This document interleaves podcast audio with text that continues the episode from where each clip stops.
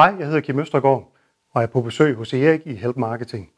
I dag kan du lære, hvordan man sådan fra den lidt mere tekniske side får succes med sin e-mail marketing og marketing automation.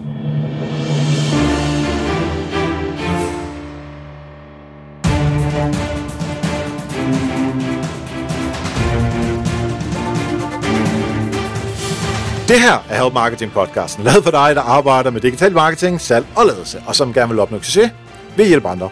Jeg hedder Xings. Help Marketing producerer så min virksomhed, der hedder Nokmal. Det her er 216, og Kim Østergaard er vores gæst.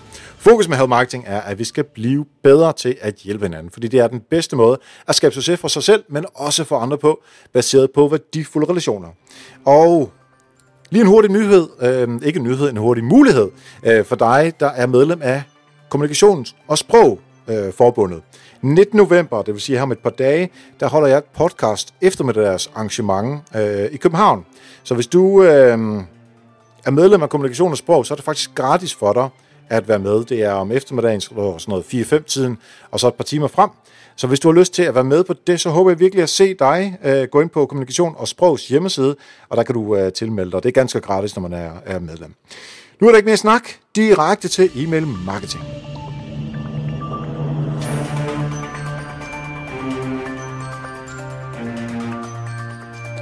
Yes, så er vi her live sammen med uh, Kim Østergaard, som er CEO og founder hos uh, e-mail-platform. Uh, Kim, han sidder i vejen. Jeg sidder i hovedkvarteret på Help Marketing i København. Velkommen til dig, Kim.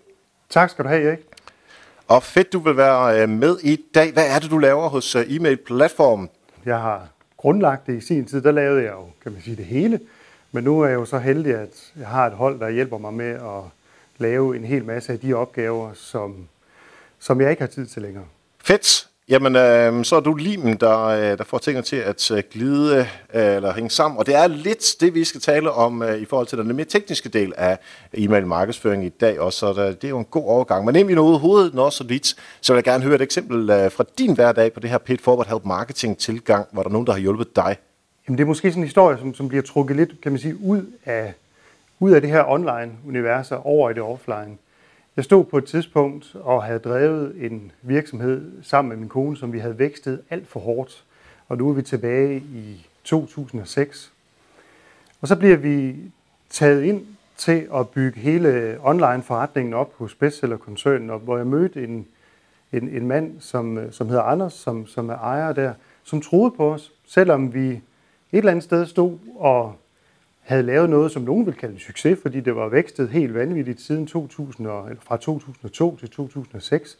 Men, men vi havde ikke flere penge, så vi jo simpelthen løbet tør for, for cash. Men han troede på os og satte os i spidsen for det, som så blev til at ansætte tæt på 100 mand og rulle ud i en hel masse europæiske lande. Og det gav mig et eller andet sted rygstød, og også en form for blåstemling af CV'et til at lave det, som vi laver i dag. Det er altid fedt, når der er nogen, der, øh, der, der stoler på en og tror på en, og så ligesom også øh, kan back det op. Øhm, og det hjælper jo ofte folk videre, øh, som så måske står i en situation, hvor man måske ikke lige kan komme videre selv. Så det er jo, øhm, det er jo lækkert at høre. Alt det her med e-mail, det har vi haft en del afsnit om i Help Marketing. Og øh, der har vi fokuseret rigtig meget på øh, indhold, og vi har øh, fokuseret på, hvordan man skriver de super fede tekster, som skal være i e-mail snø, øh, og i nyhedsbrevene, og hvordan man får mest muligt ud af det. Øhm, og øh, da du og jeg vi begyndte at skrive lidt sammen, så øh, var det så meget over i teknikken, som vi begyndte at snakke, med, øh, snakke om. Og det er egentlig det, som, øh, som vi skal tale om øh, i dag.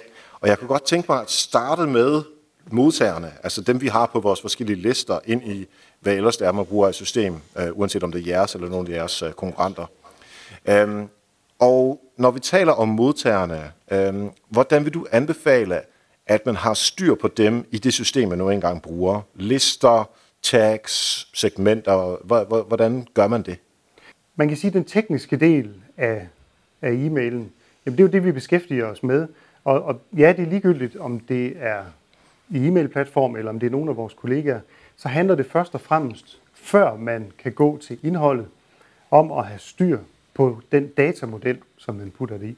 Så man kan egentlig sige, før man går på kontaktlisteniveau, jamen så skal man have gjort op med sig selv, hvad skal man bruge dataene til, før man egentlig kan beslutte sig for også, om modtagerne skal på en eller flere lister.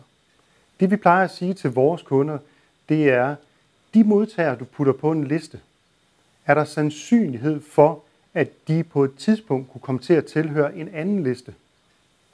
Fordi så skal du putte dem på en liste, og så skal du udnytte muligheden for at segmentere i stedet for. Kræver det, at dit system kan det? Der er nogle systemer, der ikke kan segmentere så dybt, eller hvor du kan vandre og opdatere dine din data. Hos os, jamen, så opretter man et felt. Det kunne være et, et multiple checkbox felt, hvor du putter dine forskellige brandenheder på, eller dine forskellige divisioner på. Og så kan man lade kunderne vælge, eller man kan ønske at sige, at man, vælge, man lader ikke kunderne vælge, men man gør det internt i datamodellen i stedet for. Og så siger, jamen nu er der flueben her, så tilhører du brand nummer 1, nu er der flueben her, så tilhører du også brand nummer 3, men du er ikke på nummer 2 og 4. Så kan man udstille det til kunderne i sådan en opdateret profil og sige, hvad kunne du godt tænke dig at modtage? Og så kan man lade dem krydse 1, 2, 3, 4 af, som jeg lidt var inde på før. Men du kan også godt gøre det bag om systemet, og så sige, nej, det kommer måske fra vores CRM-system, eller det kommer fra vores ERP-system, eller det kommer fra vores shop, så vi er ikke interesseret i, at kunderne selv kan vedligeholde det. Men så er det til genstand for den segmentering, som man så laver efterfølgende til udsendelse eller direkte i indholdet. Så det kan have noget at gøre med, øh, hvilke typer mails man gerne vil modtage, hvor ofte man gerne vil modtage dem, øh, om man har øh, hvad man har åbnet. Øh, så der er sådan nogle adfærdsdata, øh, og det går jeg ikke ud fra, at brugerne selv kan tilføje noget, fordi det er jo adfærden, som, øhm, øh, som man sætter på. Er det de samme typer felter, man bruger der, eller er den adfærdsdata, øh, som man kan se på tværs af alle brugerne, øh, fordi de har åbnet noget, eller fordi de har været inde på en hjemmeside eller noget tilsvarende. Er det på samme måde, eller er det noget andet, man sætter ind? Jeg tror, det er meget forskelligt fra system til system, hvordan, hvordan man gør det. Mm-hmm. Vi arbejder med kan man sige, tre forskellige datalag. Vi arbejder med de flade data. Det er for eksempel et fornavn. Man siger, at der kan stå én værdi i det her felt. Vi gemmer godt nok nogle andre værdier, men det er sådan mere nogle historiske værdier fra feltet, men det er sådan mere integrationsmæssigt for at kunne finde ud af, hvis du laver en, en tovejs integration, så er det jo vigtigt, om dataen ændrer sig i den ene kanal eller den anden kanal før eller efter, hvis du definerer, hvem der er master. Du skal ikke gøre det unødigt komplekst, men, men så arbejder vi med et lag mere, som er de semiflade data. Det er for eksempel øh, checkbox-felter, hvor du kan sige 1, 2, 3, 4, som jeg nævnte før. Og så arbejder vi med de dybe data. Og som en del af de dybe data, eller rigtige relational transactional data, hvor du kan have data i dimensioner, det vil sige ordrenummer, så har du kundens 10 ordre, og for hver af de 10 ordre har du måske 5 ordrelinjer. Det er sådan de dybe data. Det er den ene del af det. De flade og de semiflade betragter vi lidt som et. Så er der de, de dybe, og så har vi de hvad kan man sige, tracking-dataene, de adfærdsmæssige data, som egentlig ligger for sig selv også, men bliver beriget ned i de dybe data, og man kan arbejde med dem på linje, uanset om de er flade eller dybe. Så hvis man skal gå tilbage til, kan man sige, den, den første del, du siger, skal man have den på én liste eller flere lister, for lige at være sikker på, at vi får, får alle med. Jamen hvis folk kan vandre imellem de forskellige lister naturligt, så skal man have den på én liste. Vandrer de ikke imellem, er det for eksempel forskellige lande eller brands, der ikke må blandes sammen, jamen så put dem på flere lister. Ja. Listerne, det har vi øh, godt styr på, øhm, og så er det jo selvfølgelig al den data, som man nu engang får ind på folk senere hen, som øh, gør, om de kan, om der skal laves nogle triggers til, at der skal ske et eller andet med dem. Øh, fordi det vi jo også meget gerne øh, vil sørge for, det er, at øh, de får det rigtige indhold. Altså når jeg lige har købt, jeg skulle lige sige, det er, jeg tror de fleste kender den der øh, Zalando, man har lige købt nogle sko, og så bliver man bombarderet med retargeting på øh, de her øh, fuldstændig tilsvarende sko i de næste 14 dage, og det er man sådan rimelig træt af, fordi, hey, jeg har lige købt dem. Øhm, og det er jo det, som vi så også i et e-mail, øh, e-mail marketing øh, system skal sørge for, at man ikke får tilbudt de samme øh, sko igen, når man, hvis man arbejder med de her sådan lidt dynamiske øh, tilgange med at give forslag til produkter, men helst ikke forslag på produkter, som man lige har øh, købt. Øhm, så derfor skal du, nu sagde de der øh, transactional øh, data, altså som egentlig bare er her nogle køb, som vedkommende har taget. Derfor lad være med at vise de tilsvarende produkter øh, igen, i hvert fald ikke i et øh, salgssammenhæng. Og slet ikke på sådan et tilbud. Øh, du køber dem for 800 kroner, og så dagen efter er de der til 600 kroner. Så er man øh, ret hurtigt over i nogle øh, kunder, som bliver lidt træt af det. Hvis jeg skal gribe den, du siger der, så kan man sige, det vil, det vil vores tracking alene kunne øh, optage. Det vil sige, du lægger et script på dit site. Scriptet ved, hvem personen er, fordi personen kommer fra et nyhedsbrev. Det kan være, at man kommer fra forskellige enheder. Jamen, så får vi lynhurtigt mappet dem sammen og, og sagt, jamen, om du har den her iPhone, du har den her iPad, og du har den her computer. Og så har vi bridget dig til en enhed. Og så kan vi følge din gørende laden rundt på sitet. Vi kan se, hvad du putter i kurven. Vi kan se, hvad du piller ud af kurven. Vi gør det, vi binder kundernes produktfeed sammen med tracking. Det kunne for eksempel være et Google Shopping Feed. Det vil sige, så kender vi også værdien af din basket. Ja. Og når vi kender værdien af din basket og de produkter, du har puttet i, ned på produktniveau fra feedet, så kan vi også sortere dem fra i forbindelse med køb. Og hvad vigtigere måske er, at mange sender den her, og oh, du glemte din basket. Det hjælper også nogen. Men en mail, der rent faktisk er meget mere effektiv, det er, hvis folk har taget tre produkter ud af deres kur og købt fire, fordi så er de allerede i købsmode. Og så kan man sende dem og sige, hov, var det ikke noget med de her tre produkter også? Plus, man kan lave noget.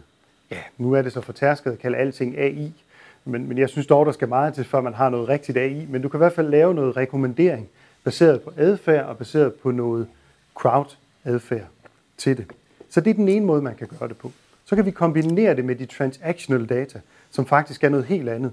Men det er der, hvor man integrerer webshoppen eller et økonomisystem over i e-mail marketing systemet også. Ja. Og det hele er så limet sammen, om man vil, på de helt flade data, kontaktdataene, hvor vi bruger e-mail og mobilnummer som keyfelter, der ligesom binder det. Ja, og det kommer an på, hvilket system man bruger. Og bare lige sådan, at vi alle sammen er med, der er mange af de her ting, som du øh, taler om, som selvfølgelig kan bruges på tværs af stort set alle platforme.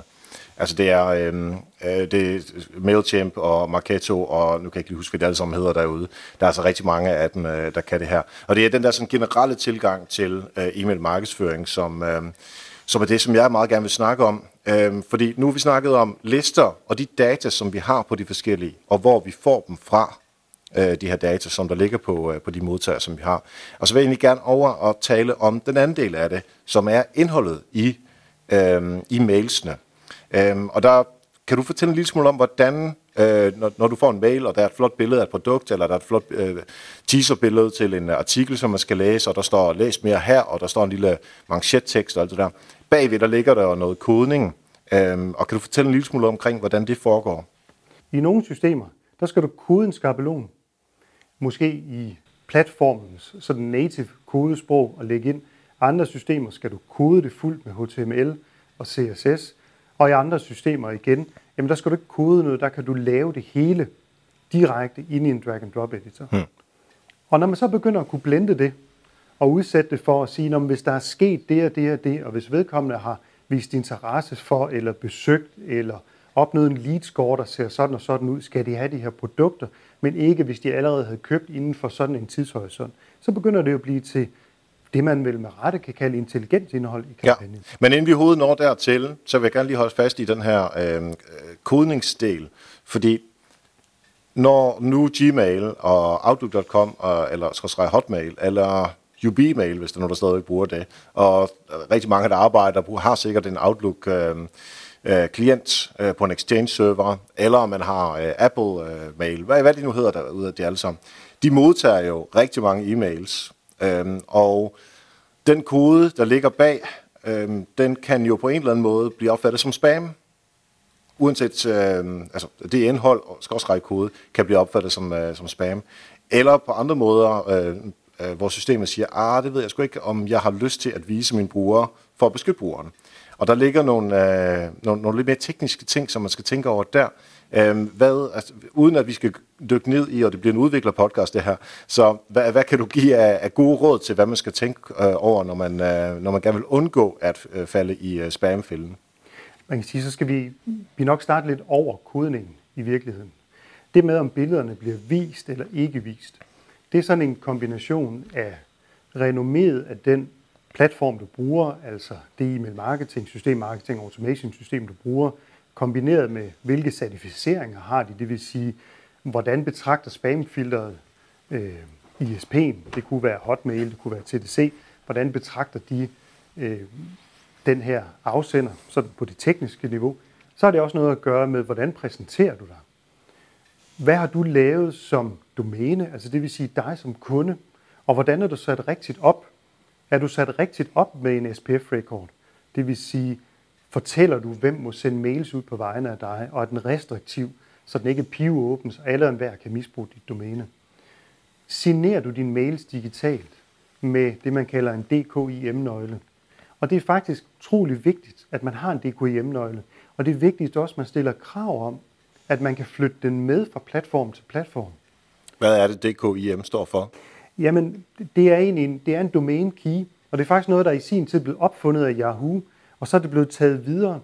Og det der egentlig er, det er, at man kan sige, vi på serverniveau har en hemmelig key, og så udstiller vi en public key.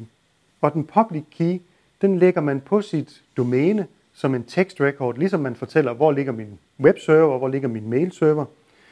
Så fortæller man også, at her er der en text key, som er en domain key. Og det er den public part. Så sker der det, når man sender en mail, så tager den den private part, kombinerer med nogle timestamps og noget forskelligt andet, og så putter den noget ind i mailen, som ligger bag ved alt det, man ser. Den ligger op i den tekniske header. Så hvis man siger vis kilde, eller view source, eller vis oprindeligt, det hedder lidt forskelligt i mailklienterne, så kan man se den, den ligger oppe i toppen. Og så er det altså vigtigt, at der står DKIM pass. Det er også vigtigt, at der står SPF pass. Og har man lagt D-mark på, som er sådan et, et overlag i virkeligheden til SPF, hvor man kan lave noget restriktivt, hvis der nu sker, at der er andre, der sender ud på vegne af en. Så kan man bestemme, hvad skal ske med den trafik. Så er det også vigtigt, at der står D-mark pass. Altså, Kim, nu bliver det meget teknisk, øhm, og øhm, det jeg egentlig hørte dig sige, det er, altså, det er QEM og, øh, hvad var den F? SPF, ja. Ja, de to ting. Hvis man er marketingsmand, så gå ind og kig efter i uh, View Source. Findes det? Øh, og hvis ikke det gør det, så tag fat i sin udvikler eller øh, den øh, e-mail-system øh, øh eller det bureau, man bruger. Uh, fordi ellers bliver vi alt for nørdet til øh, så det, som der egentlig er fokus her i, øh, i, i podcasten. Uh, så hvis det er på plads, så er der i hvert fald øh, øh, ok styr på det. Selvfølgelig det alt, altid, øh, kan alting øh, forbedres. Men det, jeg egentlig er ude efter, det er, hvad er det, man skal passe på med at få sendt ud, fordi der er nogle uh, mail, mailudbydere, uh, som de enkelte har, altså Gmail og så videre, uh, som kan sige, at det er vi ikke så glade for. Uh, så hvad er det, man selv skal passe på med, at man ikke bruger for meget af som marketingsmand? Det er rigtigt, ikke? Når, når, når det tekniske er på plads, så lad os forudsætte, at det tekniske er på plads, og det er indstillet korrekt. Jamen, der er selvfølgelig nogle stopord. Sådan helt gammeldags. Du skal ikke fylde din emnelinje eller din tekst med, med Viagra, Viagra, Viagra. Det er en dårlig idé. Det er, sådan, det er punkt nummer et. Så kan man sige derudover, jamen, så pas på med at købe færdige skabeloner, hvis du kan importere dem ind. Fordi de skabeloner kan indeholde en masse kommentartekst eller en bestemt form for kodning, som alle mulige andre, som spammer, og som virkelig spammer. Altså nogen, som høster adresser. Dem, der lige har hacket Facebook, for eksempel, høster 30 millioner adresser, tror jeg det var, ud, og virkelig spammer. De kan også mm. have købt den samme skabelon. Det vil sige, så bliver du lidt slået i hårdkamp med dem. Og det er jo en dum start at få på sit indhold. Ja, klart. Så, så man skal sørge for, at den skabelon, man laver, og den måde, det bliver brugt på, og den måde, det bliver udmyndtet på, er gjort på en ordentlig måde. Og pas generelt på med at købe. Det kan være fristende. 9 dollars og 19 dollars, det virker utrolig billigt, og det er også billigt. Men man skal også bare være klar over, at man kan løbe en potentiel risiko, at andre bruger det samme. Jo mere intelligente spamfilterne bliver, jo mere kigger de på den enkelte persons engagement. Og ikke bare engagement, men også sådan involvering. Det er vel sådan de to danske ord, der gør det sammen for det engelske ord engagement. Det vil sige, vil jeg gerne have de mails, som kommer fra Erik? Åbner jeg dem? Hvor meget åbner jeg dem? Hvor mange sender han til, som åbner, kontra hvor mange gider ikke at læse det? Og hvordan er frekvensen? Sender han til døde modtagere? Og alle de ting, det er også væsentligt i forhold til, om man får det. Så det er sådan et samsurium af godt selskab, ordentligt indhold, ordentligt skabelon, og så ikke mindst vigtigt, og det bliver mere og mere og mere, og mere vigtigt. Det kommer lidt til at ligne sådan indholdsfeedet i, i Facebook eller andre steder. Ønsker du rent faktisk noget fra den afsender? Altså en handling?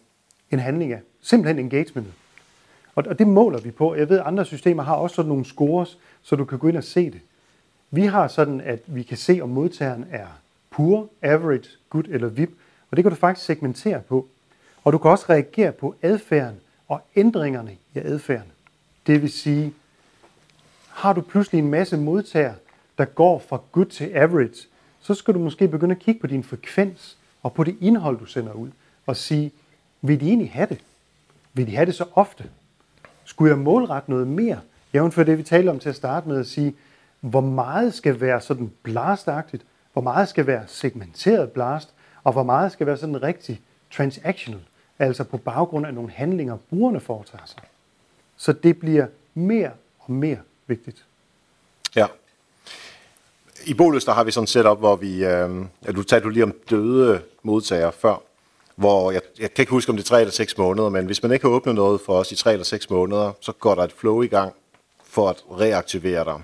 Og hvis du så ikke reagerer på det, så siger den sidste mail øh, på en pæn og ordentlig måde at sige, tak fordi øh, du tidligere har haft lyst til at læse vores mails. Øh, vi stopper nu. Du er altid velkommen til at øh, vende tilbage. Øh, og på den måde så minimerer vi antallet af, af døde øh, modtagere. Og det ser jo godt ud på, øh, på åbningsretterne. Det kan gøre lidt ondt på antallet af, af, af folk, som man så har på listen, men i sidste ende er det jo heller ikke det, der er det, øh, det mest afgørende. Nej, man kan sige, at den, den, det samlede udbytte, du får, bliver højere. Ja. Så kan man altid diskutere og sige, tre måneder er det for restriktivt, seks måneder er det for restriktivt.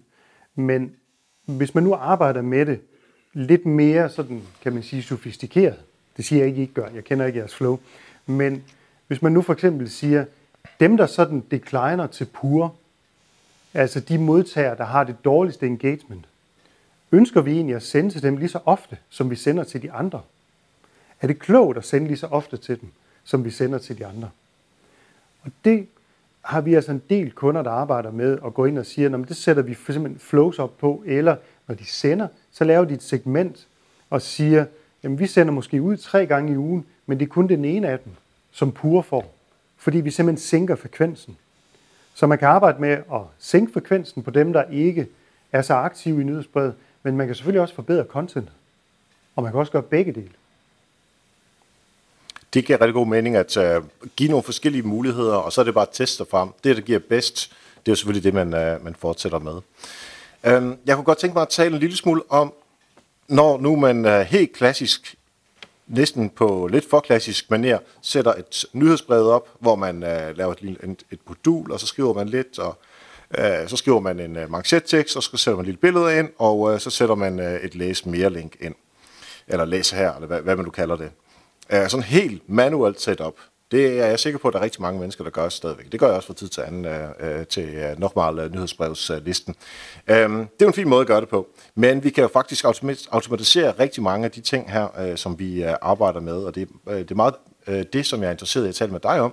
øh, for at finde ud af, hvordan sørger vi for, at indholdet for vores CMS kommer over i øh, vores øh, system, altså vores øh, e-mail marketing system, Uh, og ja, det, det, det er forskellige måder, man gør det på, så det er mere konceptuelt snarere end sådan rent teknisk, hvordan det uh, foregår. Jamen, man kan sige, at der er jo to typer af data, sådan overordnet set, som du gerne vil have med over. Den ene er kontakterne. Dem har vi dækket. Den anden del er indholdet eller contentet. Og der findes en lang række forskellige former for feeds, og det er meget forskelligt, hvad de enkelte webshop-systemer eller CMS-systemer kan udstille sådan kan man sige overordnet set, så kan langt de fleste sandsynligvis udlæse et RSS, hvis det sådan er meget CMS-agtigt, altså sådan et, et, et helt klassisk RSS-format. Google Shopping Feed, hvis vi sådan trækker det i produktretningen, er faktisk sådan lidt et RSS-feed på steroider, som bare indeholder en masse mere information. Men det ligner mere et RSS-feed end for eksempel et XML-feed. Men langt de fleste systemer kan også læse et XML ud. Har du lidt større systemer, lidt mere sofistikerede systemer, har du måske systemer, hvor du har øh, en, ja, det kan være du en butikskæde, og du har et feed med dine åbningstider og billeder af butikken og andet content, du ønsker at indsætte, jamen så ligger det typisk i JSON feed, fordi JSON feed er det nemmere at arbejde med sådan niveauer ned i det her content. Når man så har feedet, jamen så er det forskelligt fra system til system, hvordan du arbejder med det. Og det er også forskelligt, hvor meget systemerne kan gøre med det. Nogle systemer kan læse det her feed, og så kan du trække et produkt ind, og så er det det. Men så har du også sparet meget, fordi du skal ikke sidde først og, og skrive overskriften rigtigt, billedet ind, sørge for at linke det rigtigt, og med alle de fejl, der kan komme med det. Nogle systemer kan du sige, nu har jeg, nu har jeg bygget det her. Og, og det du egentlig så har fået, du har fået hjælp til at bygge dit content, men du har måske ikke fået noget dynamik ud af det. Det vil sige, jeg bygger min mail i dag, men den skal først sendes i morgen til middag, fordi jeg ved i morgen kl. 10, så ændrer mit webshop-system automatisk priserne, eller det kan være, at jeg ændrer det manuelt. Og så ønsker jeg egentlig, at mailen, der bliver sendt ud i morgen til middag, selvfølgelig indeholder de nyeste priser, rettede beskrivelser, hvad der nu ellers måtte være i min kampagne. Så det er der nogle systemer, der kan, og andre systemer, der ikke kan. Så kan du trække det videre igen. Så er der systemer, hvor man kan sige, når vi sender, så sender vi, når vi spørger efter det her data, så sender vi en variabel med over i dit CMS-system eller dit Business Intelligence-system, og så siger vi, nu skal vi have indholdet til den her person. Det kunne være, at du bruger en af de her recommendations engines, der findes. Raptor, AdWiz, Clerk, Rich Relevance. Øh, der findes sikkert en, en hel masse forskellige andre. Og de udstiller det også som et feed. Og der vil jeg altid anbefale, at man går feedvejen med den, og stiller krav til sin platform om at gå feedvejen. Mange af dem siger, det er nemt, bare lige lægge den her tag på, og så får du det hele ind som et billede.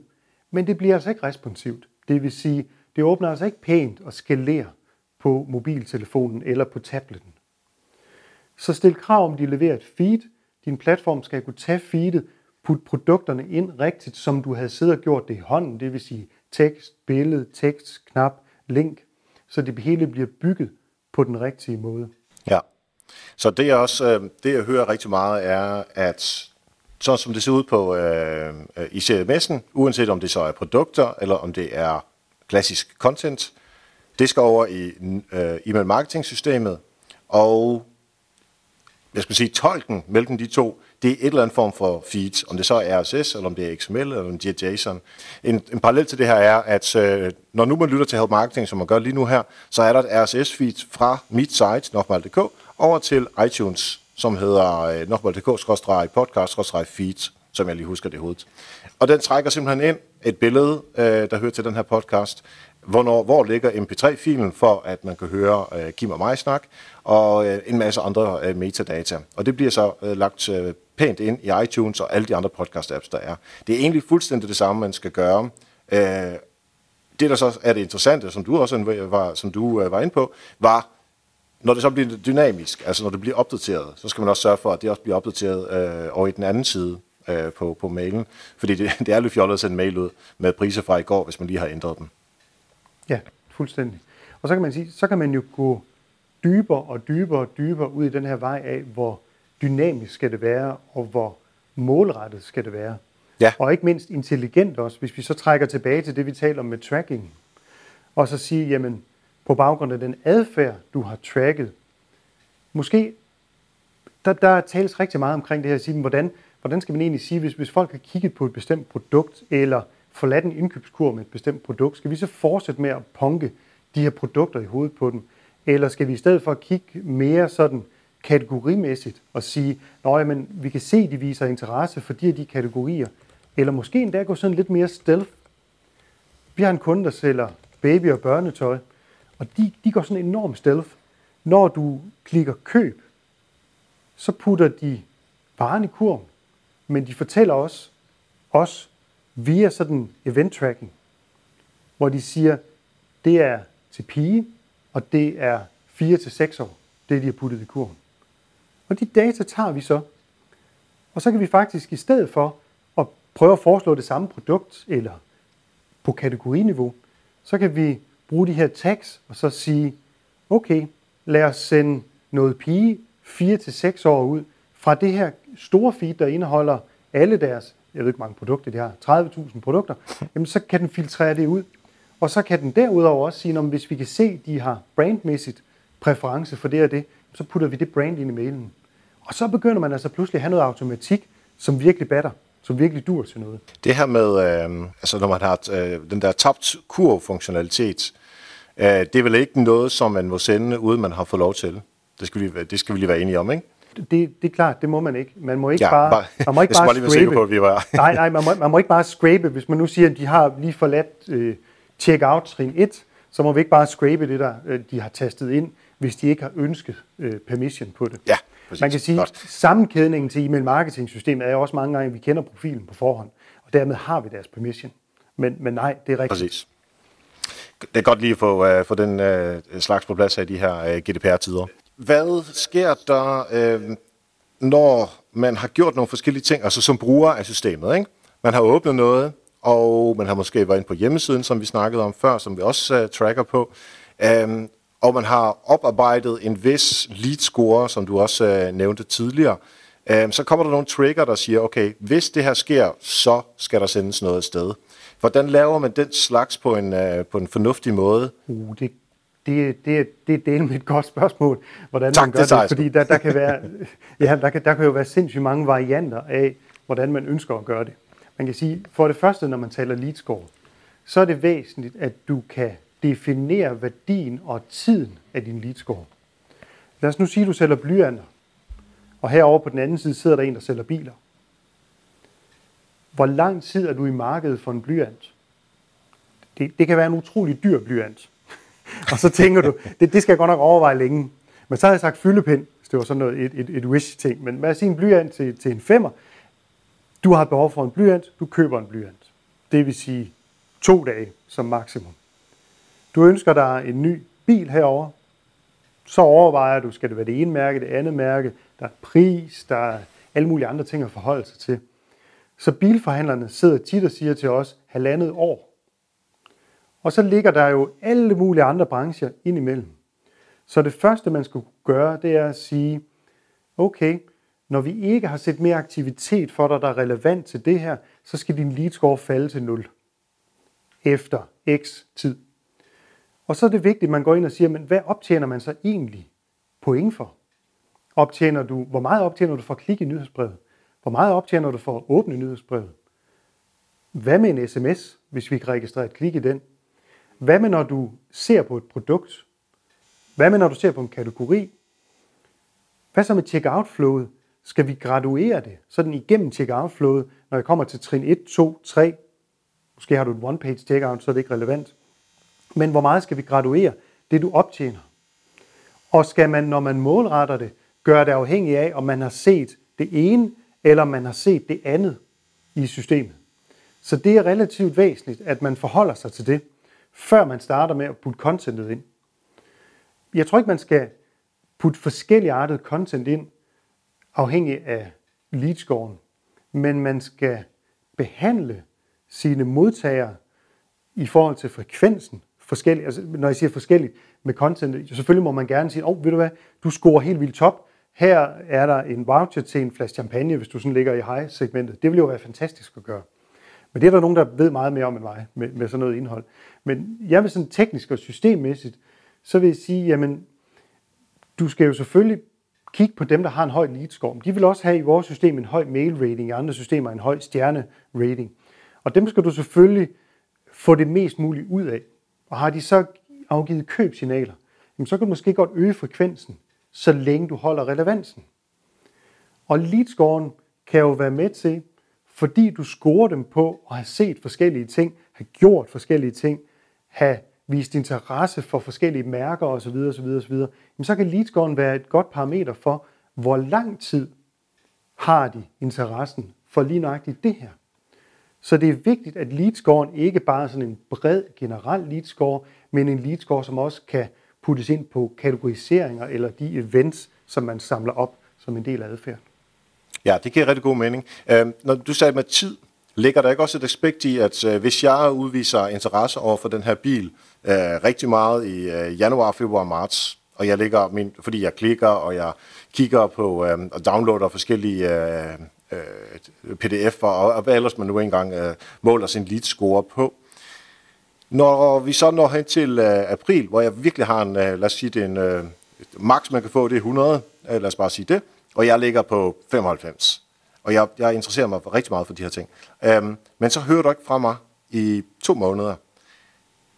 Er der så ikke noget om, at man er nødt til at tabe nogle point, fordi min interesse er åbenbart dalende, øh, og dermed sådan sige måske to point om dagen, eller to point per uge, eller hvor meget man nu synes, det, det trækker vi fra, fordi så kommer vi ned på 60, 50, 40 øh, igen, som er måske mere relevant i forhold til der, hvor jeg er, fordi jeg har sandsynligvis eller ikke sandsynligvis, jeg har måske købt en bil, måske har jeg fundet ud af, at jeg ikke øh, kan låne de penge i banken, som jeg gerne vil, eller hvilke andre udfordringer, der kan have, jeg kan have i forhold til at købe den bil.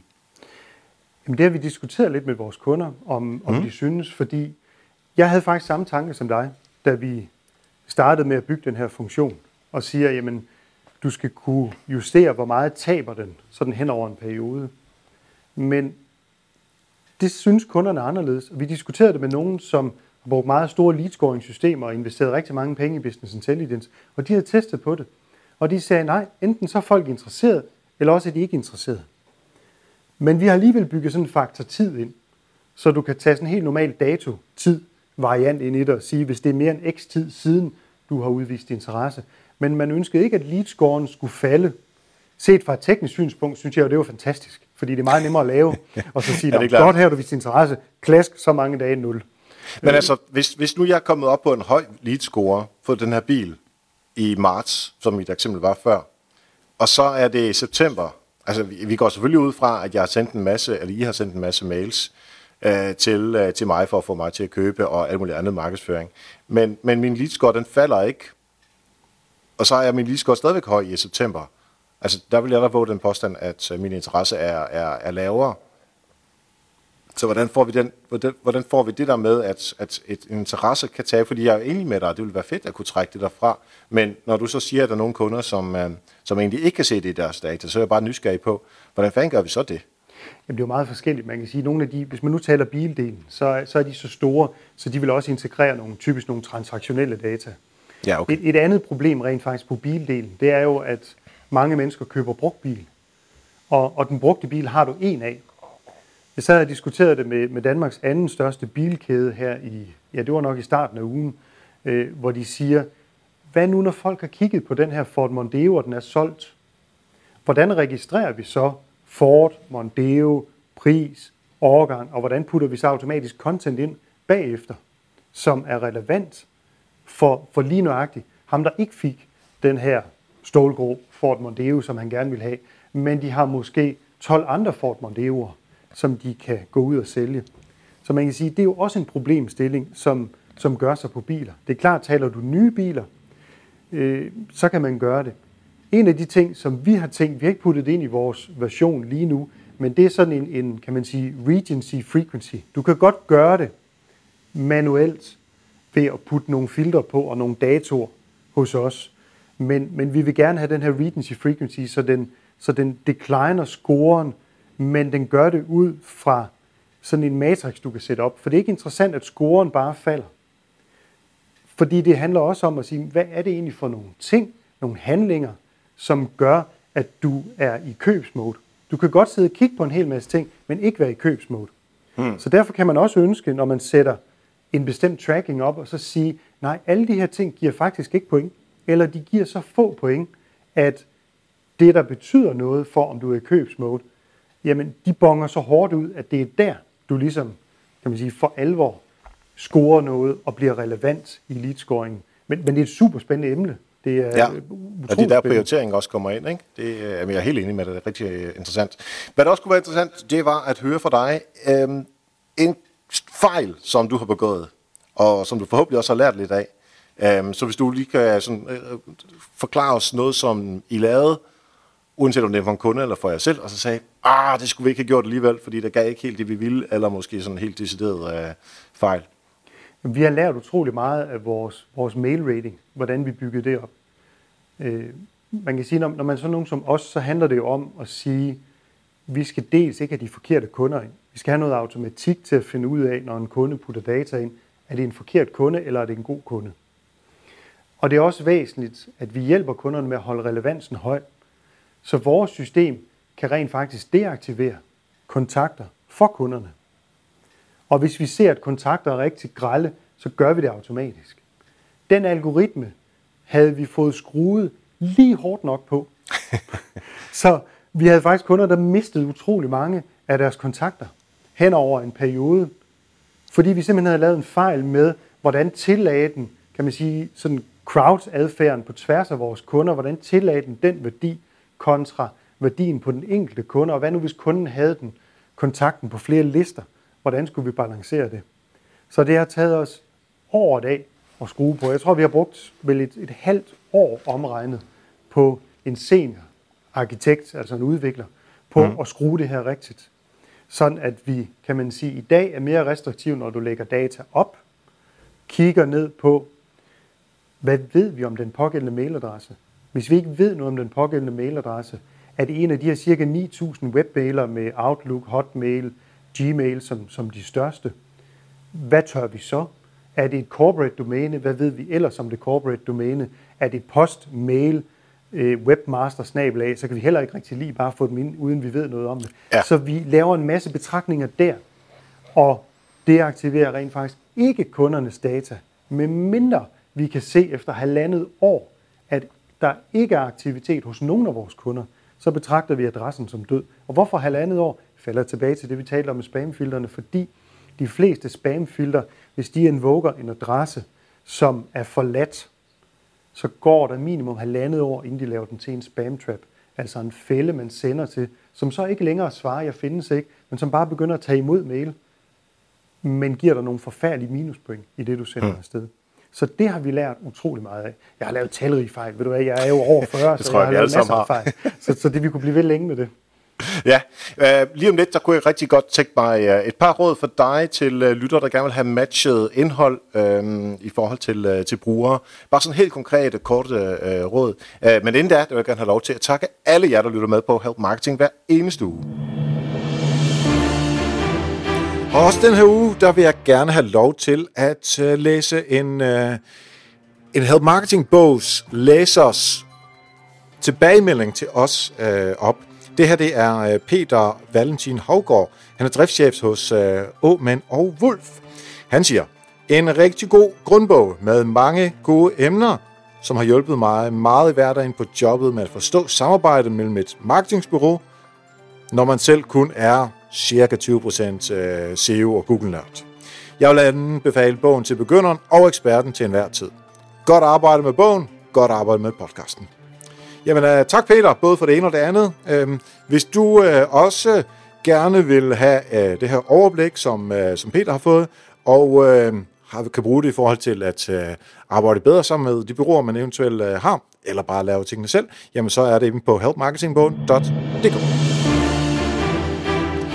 Kim Østegård, et par råd for dig til øh, lyttere, der gerne vil matche indhold øh, og øh, brugere derude. Hvordan kan man gøre det ganske kort og konkret? Start med at have styr på din datamodel.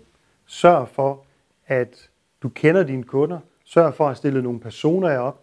Kig på dine produkter. Har du forskellige produktgrupper, brand-tilhørsforhold, så brug dem i dit indhold. Sørg for at track din trafik. Kig på, hvem besøger hvad, hvad gør de. Sørg for at gøre noget intelligent, når de klikker og requester indhold. Hvis de downloader noget, sørg for at berige det. Send nogle flere informationer med, så du ved noget. Sørg for silent, når man siger læg i kurv, og send nogle informationer med om varen, som du kan bruge til at målrette efterfølgende. Det er det, der har den største effekt. Husk, at når du segmenterer, så får du 4-10 gange så meget ud af bare at sende det samme til alle. Det lyder rigtig fornuftigt. Data, segmentering, ja tak, det kan jeg øh, forholde mig til. Kim, hvis man gerne vil følge dig, øh, hvor skal man finde dig hen? Jamen, du kan gå ind på emailplatform.com, og så kan du finde mig derinde der er et link, der hedder om os, og der er igen et link til min LinkedIn-profil, hvor der er omkring 20.000 følgere på, så jeg er meget, meget aktiv og poster cirka nyt indhold hver anden dag. Det er både gode råd, kundecases, spørgsmål om hjælp osv. osv. Så det, det spænder meget bredt. Fedt. Kim, tak fordi du var med i dag til at tale om uh, den tekniske del af e-mail markedsføring. Tak fordi jeg og mange tak til Kim Østergaard. Alle noterne de ligger på helpmarketing.dk, skrevet af Katrine Louise Nielsen fra Koling Copyright. Det her det er under afsnit 216. Du kan gå ind og finde noterne. Og tak selvfølgelig som altid til uh, Anders Guldberg fra KHAG for at redigere podcasten. Og hvis du skal have lavet en podcast, men du har ikke tid eller lyst til at lave det selv, jamen så er Anders sådan en, der faktisk laver podcast for andre. khag.dk Og så er det tid til at drage tilbage i tiden. 100 uger for at være helt korrekt. Help Marketing Historie. Hvad skete der der? Dan Lolk var på besøg. Han øh, talte om CRM-systemer, øh, og det er der nogen, der tænker, wow, det er kedeligt. Andre tænker fuldstændig det modsatte at sige, det er det fedeste i verden. Andre tænker, det er altså noget, vi er nødt til at arbejde med. Øh, så hvad er CRM-systemets øh, opgave? Øh, hvad er sådan noget som retention? Hvordan arbejder man med pipeline og CRM-systemer for, for virksomheder? Hvilke typer findes der? Og så helt konkrete råd til dig, der gerne vil i gang med et CRM-system. Meget, meget, meget øh, interessant, og selvom det måske ikke er helt så øh, interessant øh, og kægt og, og spændende og sjovt som øh, fede billeder til Instagram eller Snapchat eller nogle af de andre lidt mere øh, sexede øh, ting, som vi taler om her i Help Marketing for tid til anden, så er det altså noget, som man er nødt til at forholde sig til. Øh, vi skal jo sælge noget. Og det du bare gør det er, det er at åbne din app, hvor du lytter podcast i, så scroller du tilbage til nummer 116, og så sidder øh, Dan og jeg og venter på dig for at tale om serien. Husk, du kan også være med på øh, facebook.com helpmarketing.dk, hvis du gerne vil øh, følge os der. Du kan følge mig personligt på Twitter, eller på Instagram, eller på Snapchat på Erik Sings, e r i c z i e n g s Og inden vi slutter, så har jeg faktisk en podcast anbefaling til dig. Det er faktisk to tidligere gæster her fra Help Marketing, uh, som nu er gået sammen om at lave en podcast selv. Det er Joachim og Søren, og de har lavet den her podcast, der hedder To kolde fra kassen, og jeg synes egentlig, du skulle høre, hvad det er, de siger. Hej alle lyttere på Help Marketing. Mit navn er Joachim Ditlev. Og mit navn er Søren Snedler. Sammen har vi lavet en lille podcast-serie, der hedder To kolde fra kassen. Ambitionen og formålet med denne podcast-serie er at øge forundringskraften blandt marketingansvarlige. Her bliver svisken lagt på bardisken, kort og kontant, og det giver forhåbentlig dig noget at tænke og undre dig over. Så hent to kolde fra kassen, der hvor du plejer at hente din podcast. Ellers tak for nu, og husk, ved at hjælpe andre, opnår du også selv succes. Vi høres for.